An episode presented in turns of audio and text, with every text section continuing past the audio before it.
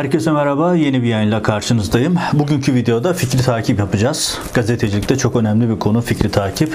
Daha önce, bundan iki önce yaptığım videoda e, Serdar Atasoy, e, Tu General Serdar Atasoy'un e, sürpriz bir şekilde emekli edilmesi, akabinde yaşanan olayları ve son günlerde hem iktidar medyasında hem Ergenekon müzahiri medyada yoğun bir şekilde işlenen FETÖ'cü general meselesini anlatmıştım. Boyutlarıyla birlikte nedir, ne değildir, neler olmuştur onları analiz etmiştik. E, bu videoda onun devamı, bunun fikri takibi olacak. E, şöyle ki e, yeni gelişmeler var. Yani konuyu araştırmaya devam ediyorum. Yeni gelişmeler, yeni detaylar edindim. Bu detaylar ne anlama geliyor ve bundan sonra nereye gidiyor? Bu bundan sonra nereye gider? Bunu analiz etmeye çalışacağımız bir video. E, kısa bir video olacak. Çünkü bir fikri takip videosu. Daha önceki videoya ilaveler yapacağım. Şimdi önce olayı izlememiş olanlar olabilir. E, hani olur da e, tüm Türk medyasının takip ettiği konulardan e, bilgisi olmayabilirsin. E, izleyicilerimiz olabilir. Onlar için kısa bir özet yapayım. Ee, Serdar Atasoy, Tu General, e, kendisi e, Kara Kuvvetleri İstihbarat Başkanlığı'na atanmışken daha sonra e, iddiaya göre tabii ki iddiaya göre kendisi FETÖ'cü cemaatçi çıkıyor, istifaya zorlanıyor. Akabinde de Ocak ayı içerisinde gözaltına alınıyor. İddiaya göre itirafçı oluyor ve daha binde de emekli ediliyor gözaltı ve itirafçı olduktan sonra da şu anda tutuksuz yargılanıyor. Yargılama faslına dair henüz bir şey yok çünkü daha yeni. E, iddiaya göre de rütbeleri söküldü. Şu an er statüsüne indirildi. Tabi hadise ortaya çıktığı zaman Oda TV'den e, Yeni Şafak'a, Sabahtan Hürriyet'e, e, T24'ten tutun Veryansın TV'ye kadar bütün yani bütün boyutlarıyla hem Ergenekon cephesi hem hükümet cephesi aynı anda yoğun bir şekilde bu konu üzerine gitti. Hatta gitmeye devam ediyor. Hatta günlerdir özellikle Hürriyet'te, Sabah'ta, Yeni Şafak'ta, Oda TV'de e, dediğim gibi sağda solda bütün internet sitelerinde bu konu gündem. E, neden gündem? E, çünkü iddiaya göre Kara Kuvvetleri İstihbarat Başkanlığı'na atanan birisi cemaatçi çıkmış, FETÖ'cü çıkmış. Bunca yıl sonra nasıl oluyor sorusu ve kim korudu sorusu.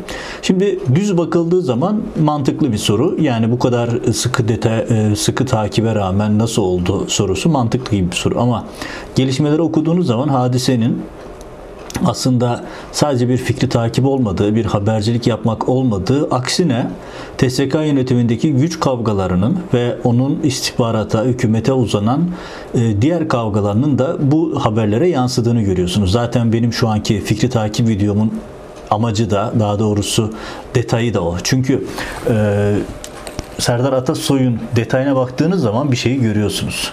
Ya burada sıradan bir hikaye yok karşımızda. Yani şöyle düşün işte Serdar Atasoy e, ismi ön plana çıkartılan, e, itirafçı olduğu söylenen ve bir takım katalog ifadeler veren bu kişinin hikayesine baktığınız zaman ortada kocaman bir soru işareti var.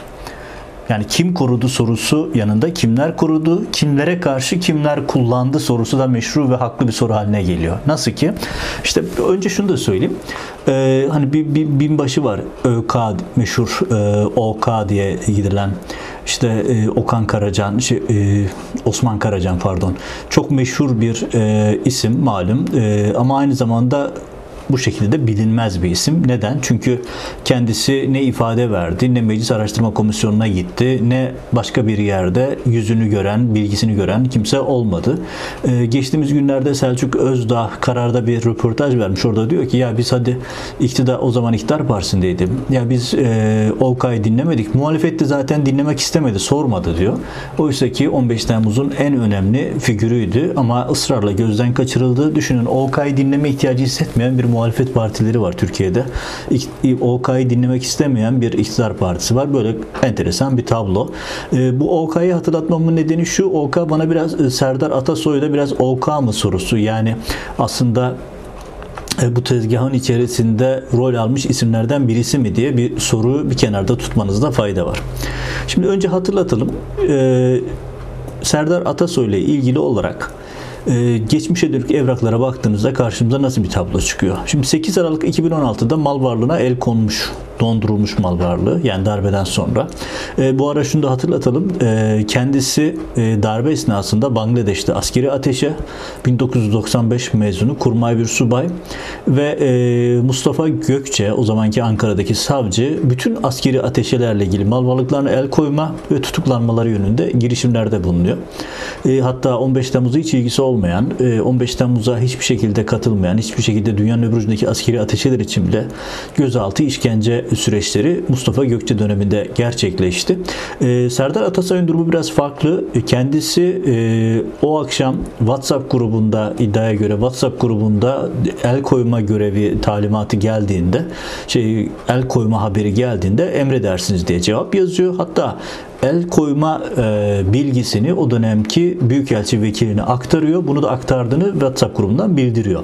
Hani o WhatsApp grubunda hiçbir şey yazmayan insanlar tutuklandı, işkence gördüler. Kötü muameleye muhatap oldular ama e, emredersiniz cevabı yazan ve emri ileten Serdar Aksoy'la hiçbir şey olmuyor. Serdar Aksoy daha sonra Bangladeş görevi 3 yıllık olmasına rağmen 2. yılın sonunda geri çağrılıyor. Aralık 2016'da. E, tabi bu arada mal varlığına da el konmuş oluyor. E, 2016 Ekim'de pardon geri çağrılıyor ve bir yıl varken erken çağrılıyor görev yerinden. E, akabinde de e, 2016'da Cemil Turhan'dan ele geçirilen 193 şey 139 kişilik Cumhurbaşkanlığı yaverler havuz listesi var. Orada da ismi var.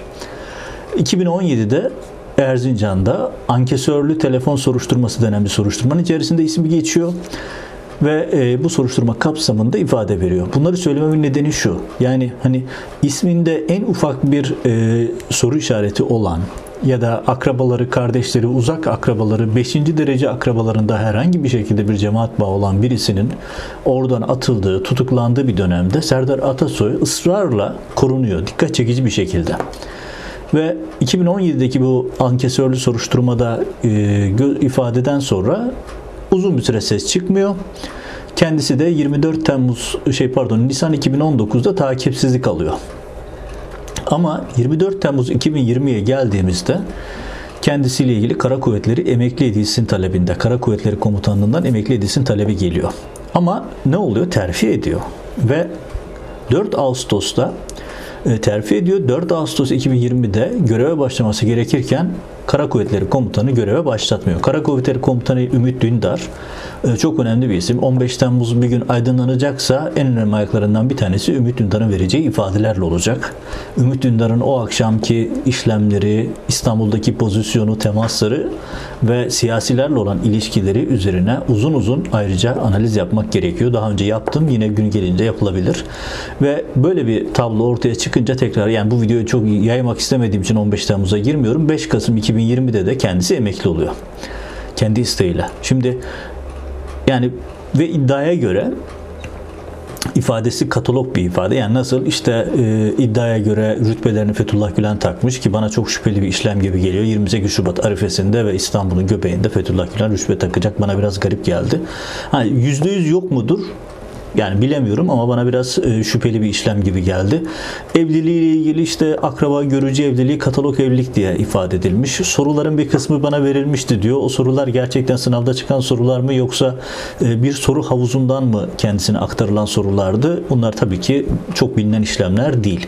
Şimdi pasif görevden yani pasif göreve çekilip hakkında işlem yapılmamış olması hani baştaki o binbaşı OK örneğini hatırlatmamdaki nedenlerden bir tanesi de o. Binbaşı OK'nın e, Osman Karaca'nın MİT personeli olduğu ve 15 Temmuz akşamındaki o işte öne çekildi kumpası mizanseni yapılabilsin diye MİT'in bilgisi dahilinde gelip aslında kumpas bir şekilde ihbar ettiği yönünde çok güçlü veriler var. Şimdi bu e, durumda e, hayli enteresan. Yani Serdar Atasoy ile ilgili çok fazla soru işareti var varken bunların hiçbirisine takılmayıp aksine Kara Kuvvetleri'nde İstihbarat Başkanlığı'na atanması ve Kara Kuvvetleri'nin emekli edilsin talebine rağmen e, bu atama yapılıyor. Yani Ümit Dündar nedense Serdar Atasoy yanında istemiyor. Bu ara Serdar Atasoy'un bir önceki görev yeri de daha doğrusu atandığı yerin de e, Metin Temel'in yanında olmasını da hatırlatalım. Metin Temel de Akar'ın sevmediği ve pasifize ettiği bir isim. E, tıpkı Zekai Aksakallı gibi ve e, daha sonra Ümit Dündar'ın yanına yerleştiriliyor ama orada da e, Ümit Dündar bir şekilde başlatmıyor. Şimdi Pasif göreve alıp işlem yapmamak hayli şüpheli bir işlem. Kasım'da emekli olmuş ama haberi Ocak ayında ortaya çıkıyor. İddiaya göre Ocak ayında MİT tespit etti. Ama 2017'de ankesörlüden hakkında işlem yapılmış. 2016'da mal varlığı dondurulmuş. E, bir yıl erken göreve çekilmiş. Hakkında işlem yapılmış vesaire. Şimdi bütün bunlar bize şunu gösteriyor. E, söz konusu Tu General'in ilişkileri standart bir ilişki değil. Yani karşımızda ya e, daha önceden Cihat Yaycı gibi bir isim olarak tespit edilmiş ve bu isim üzerine yatırım yapılmış, devşirilmiş ya da bir şekilde anlaşılmış bir isim. Özellikle korunduğu, önünün açıldığı gözüküyor ve bunu açan isminde Akar olduğu gözüküyor. Başka bir ismin bu çapta bir iş yapması çok kolay değil. Şimdi peki eee karşımızdaki tabloyu nasıl yorumlamak lazım? Yani Ümit Dündar da ısrarla yanında istemiyor. Daha önce Metin Temel de aynı şekilde muhatap olmuştu. Şimdi özeti şu. Şimdi Yaşar Güler yaş haddinden bu yaşta emekli oluyor. Önümüzdeki yazda. Yani şu andan şunu söyleyelim. Ee, Hulusi Akar'ın son günlerde yoğun bir şekilde medyaya sürekli demeçler vermesi, yeni e, açıklamalar yapması, açıklamalarındaki kısa cevapları bir şeylerin saklandığını gösteriyor bir şeyler saklanıyor. Bu çok belli. E, ve verilen cevaplar da zaten sorular da çok yüzeysel. Onu da ifade edelim. Yani Hulusi Akar keşke bizimle bir gün röportaj yapsa da şu 15 Temmuz ya da diğer bu konuları detaylı bir şekilde konuşsak. Ama kendisiyle maalesef sadece kendi seçtiği kişiler konuşabiliyor. E şimdi gelinen noktada soru şu. Şimdi Serdar Atasoy'u kim korudu? Önünü kim açtı? İki, Serdar Atasoy binbaşı Ovka gibi daha önceden devşirilmiş ve önü özellikle açılıp korunmuş ve bugünler için bir takım planlar için e, devşirilmiş birisi miydi? Çünkü özellikle Metin Temel'in yanına yerleştirilmesi, arkasından Ümit Dündar'ın yanına yerleştirilmesi bu TSK içerisindeki güç kavgalarının, e, ekip kavgalarının bir e, yansıması mı sorusunu ben önemsiyorum. E, bunu şu açıdan da önemsiyorum. Şimdi öyle bir hale geldi ki artık FETÖ'cü ifadesi tırnak içerisinde söylüyorum FETÖ'cü ifadesi artık e, TSK içerisindeki ekiplerin birbirine karşı kullandığı bir aparata dönüştü. Bunu neden söylüyorum? Şöyle düşünün.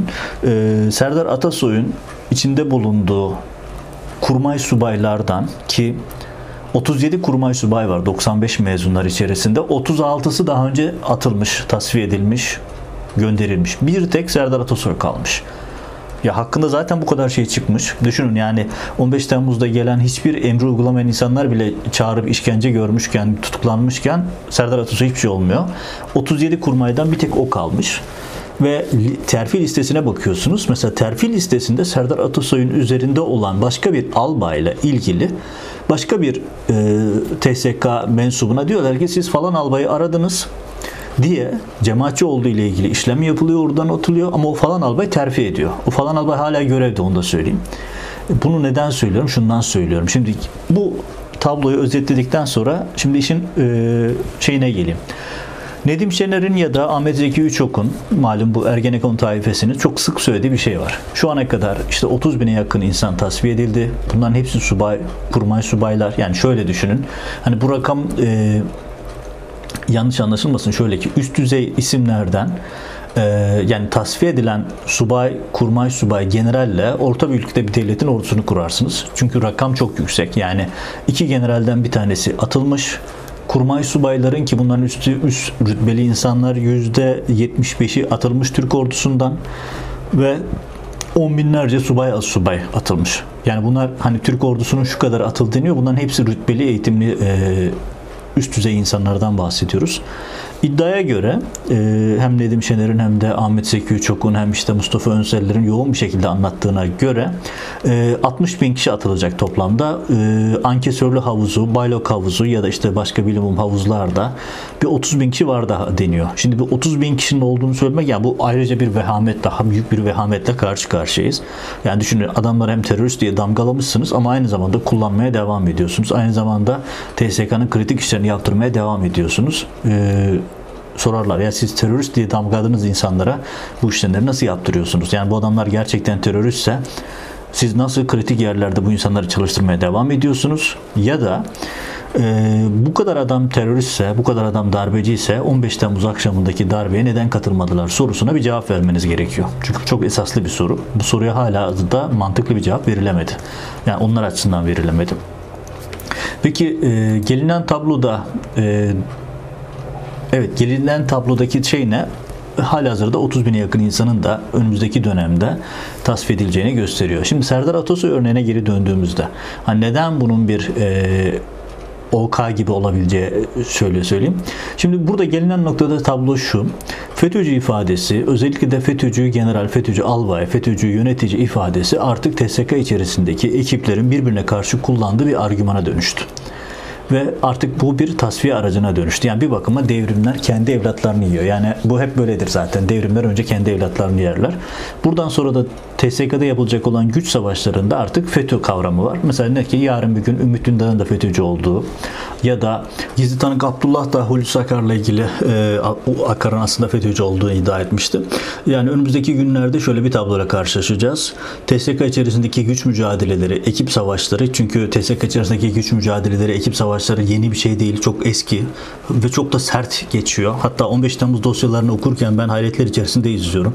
TSK'nın özellikle general seviyesindeki e, ekiplerinin siyasetle ilgilenmeleri, siyasete müdahil olmaları ve e, fazlasıyla politik olmaları çok dikkat çekici bir konu.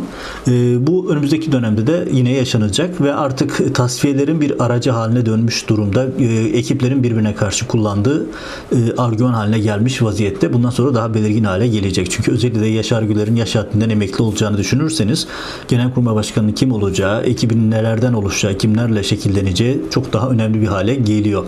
Şimdi bir de unutulmaması gereken şeylerden bir tanesi de şu.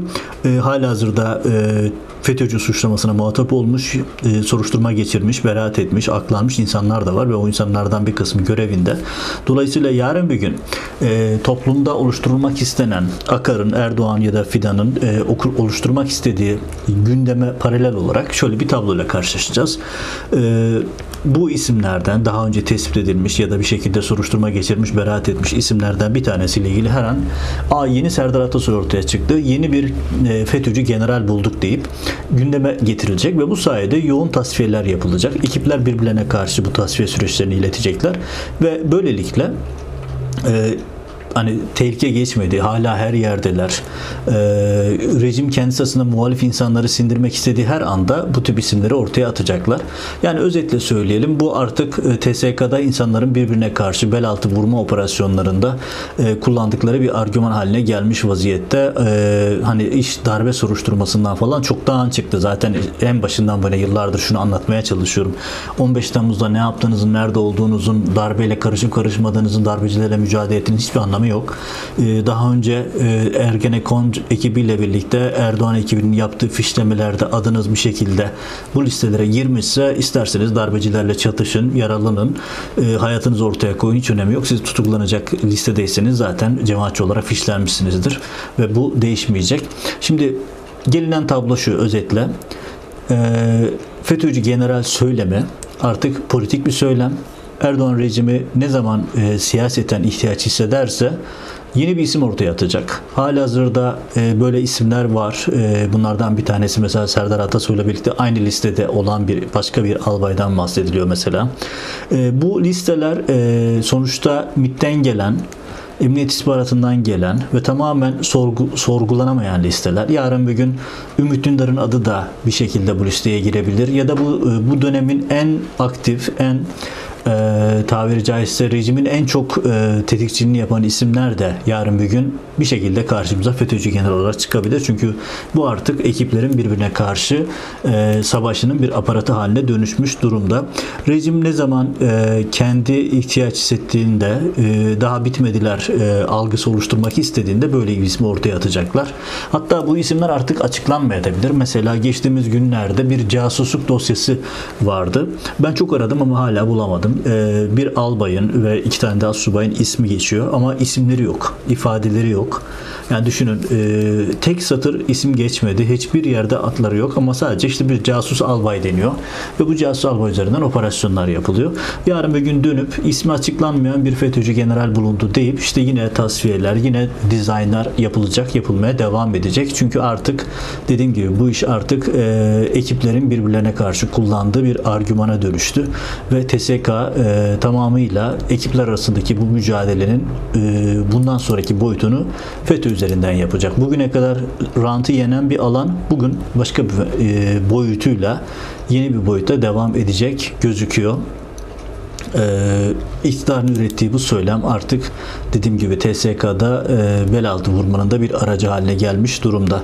Sonuç olarak e, dediğim gibi ne zaman ihtiyaç hissedilirse böyle isimler ortaya atılacak ve biz yine gazetelerde, manşetlerde FETÖ'cü general bulundu, yakalandı, ortaya çıktı, bitmediler türündeki haberleri görmeye devam edeceğiz. Sorup sorgulamadığınız sürece de bu haberler önünüze düşmeye devam edecek. Ama en baştan FETÖ kavramını sorgularsanız e, ve insanların e, suçlandıkları dosyaların içlerine bakarsanız aslında bütün bunların hepsinin bir e, hukuk katliamı olduğunu, politik bir oyundan başka bir şey olmadığını göreceksiniz. Ama Türkiye henüz bunları görmekten uzak. Peşin kabullerle hadiseyi değerlendirmeyi, 15 Temmuz'u peşin kabullerle e, değerlendirmeyi tercih ediyor. Önümüzdeki videolarda analizlere devam edeceğiz. Kanala abone olur, yayınları paylaşır, yorum yazarsanız daha fazla insana ulaşma imkanı bulabiliriz. Bir sonraki yayında görüşmek üzere.